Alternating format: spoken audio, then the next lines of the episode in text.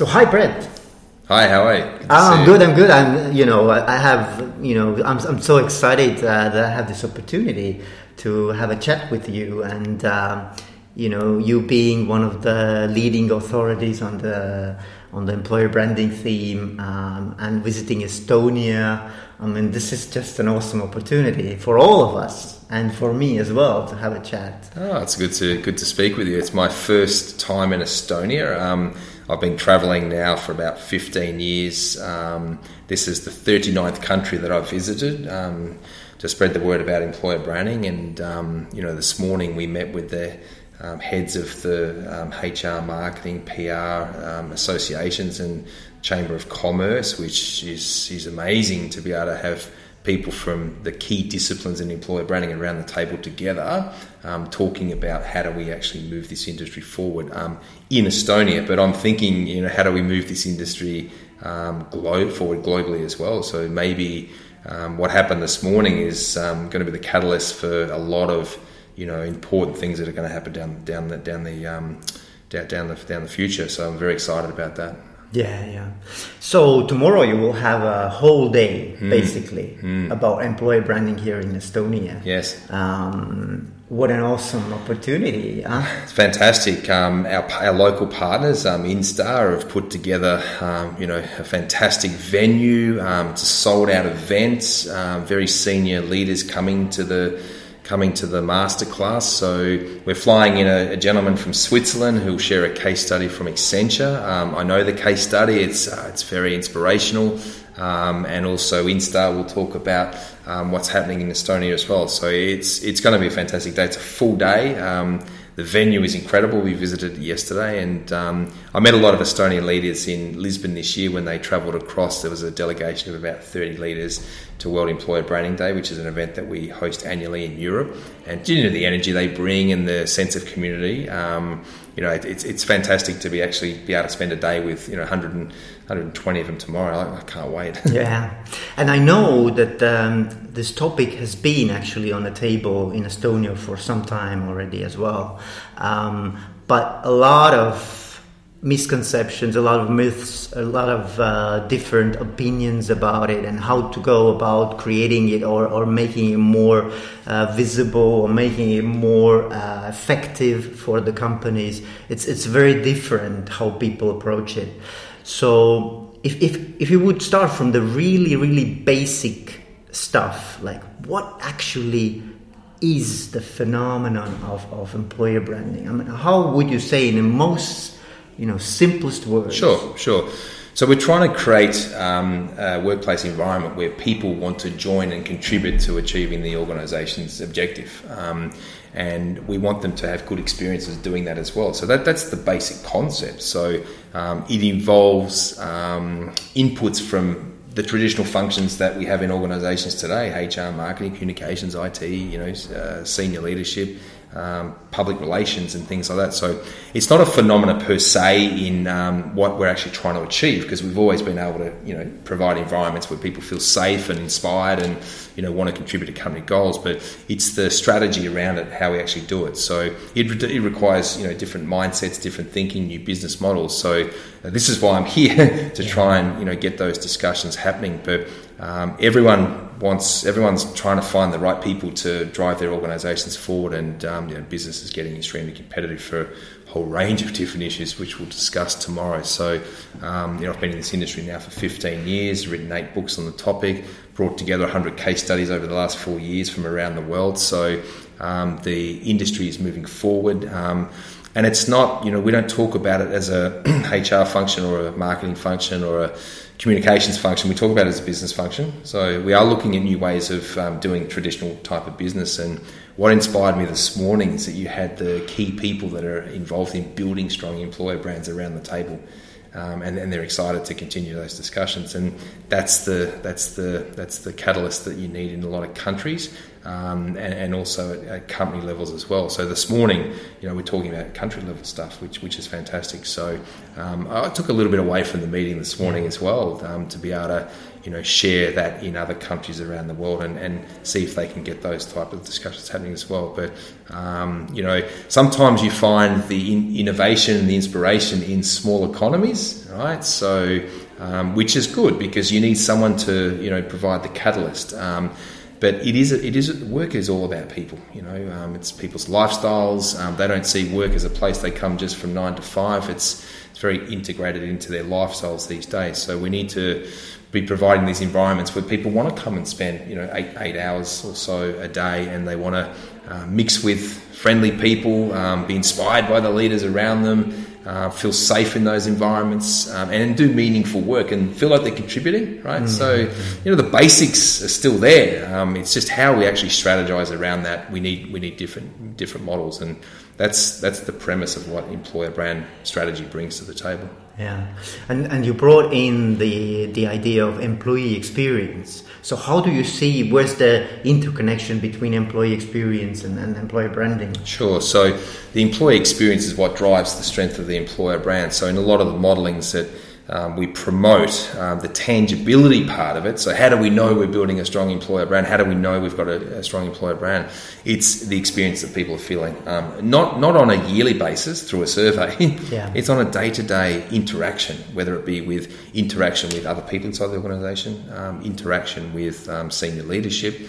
Um, there is different touch points that people feel on a, on a daily basis. Some are more important than the others. Um, you know, day one on the job, like when people first join, um, they're nervous. Um, you know, they're not quite sure what to expect, but it's a great opportunity to actually make them feel super comfortable and make them feel that they made the right choice. Um, so we've come from an environment of you know just making sure people are satisfied in their jobs, um, which didn't really do enough. People sat around and did what they had to do and didn't really contribute much extra effort. Then we had this era of engagement where there was a lot of focus on employee engagement um, for people to go beyond just what was expected. And now people are expecting, you know, they're expecting good experiences every day. Um, and that has to start from other people inside the organisation as well. So the companies that are, doing that, focusing on the experience, um, the tangible experience, they're the companies that are winning. Yeah, and then the leadership's role in all of that. How do you see that? Yeah, well, it's it's everyone's responsibility. It's not just a HR responsibility. So the leaders are um, creating the environment for their people to have those experiences. So they play an extremely important role, but they also need to understand um, what experience means to them, what's their role, and I think the opportune time to do that is on on their induction, right? So the company being very clear about the experiences that it is trying to provide for its people to to differentiate, um, and leaders need to understand what what what that's about. They need to be educated, they need to be trained, but most importantly, their performance needs to be linked to it as well. So if we're just rewarding based on your financial uh, performance then um, they're not going to be focusing so much on the experiences that create trust. So, you know, you need to have high performers in organizations, but you also need to have leaders that people trust. yeah. So it's, it's, it's, a bit, it's a bit of both. So by making sure that um, people are rewarded for creating those good experiences, um, it'll mean that they, senior leaders will focus on it more. Mm. So if, if we have uh, quite a lot of leaders and managers listening to this podcast, and, and I'm more than sure that all of them think right now, you know, I, I, I, wish I could start from somewhere, or you know, what would be the first step that you would recommend or suggest them? You know, just very basic stuff. What? what? Yeah, definitely. Uh, it costs you absolutely nothing to do this, right? So it's not a cost implication. It's bringing together, like we had this morning, the um, people that impact on the employer brand. So, um, people from HR, marketing, comms, IT, legal, having them around the table and opening up the discussions. So, how can we create an environment where people want to join? So, our reputation is really strong in the marketplace. But more importantly, when they do arrive, how do we make sure that what we promise them um, through our you know, communications, through our um, recruitment processes, we can actually deliver on them as well? So it's getting that initial discussion started about how we actually do that. Um, you know, the strategy behind it, the roadmaps behind it, how you actually do it, the case studies, that all information is in the marketplace now. But unless you can get the support at the senior to executive level, um, you don't see a lot of trans. I haven't seen a lot of transformational change in the marketplace yeah. as a result. So Um, get those people having those initial discussions. And, you know, a lot of the barriers to moving forward with it will come out in those initial discussions. Um, and then you start to shape it. Um, don't shape it first and then try and push it in. Yeah. Let's have those open discussions about, you know, what are we doing now? How can we do it a little bit better? Um, it's not about inventing a whole new department or a whole new function. It's about looking at what we've got, how do we bring the capabilities together. And if we don't have all the capabilities we need, we, we, we bring that in from the um, external market. But I, I don't think about um, businesses inside the company and outside the company. I think about a borderless system whereby you know you have expertise all around you, um, and how you actually um, engage that fund. That that's something that the organisation needs to work out. But increasingly, like highly, extremely talented people are leaving the nine to five world, and they're providing services um, on demand as needs basis for companies all around the world. Yeah. so if that's the future, then we need to make sure that um, you know those people are part of our teams. Um, we may not be able to hire all the people we need in the future um, because it's competitive, and there may be may not be enough of those people. Yeah, yeah. yeah. Um, so I think you know in the future the competition is not necessarily going to be between companies; um, it'll be between countries. Uh-huh. And you know your e-residency program you have, which I sat in on a presentation yesterday, and the, the, the, volume of people that have joined that from around the world is, is, is, is pretty exciting. So that's a way of doing something differently. Yeah. Um, so I think those type of approaches um, they, they always lead to, to new things and, and, new innovations. So I think that's something that organisations need to look at.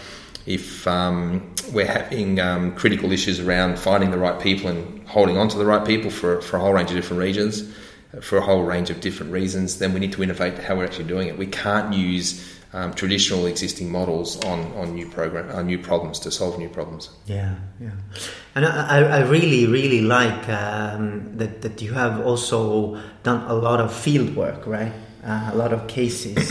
so if, if you would have to bring out one insight, let's say, I mean it's it's difficult, but but anyway, what would be one insight that you would share with our listeners right now? Oh, like I discussed before about making sure that the leadership mindset is open to having discussions around this. It's absolute key.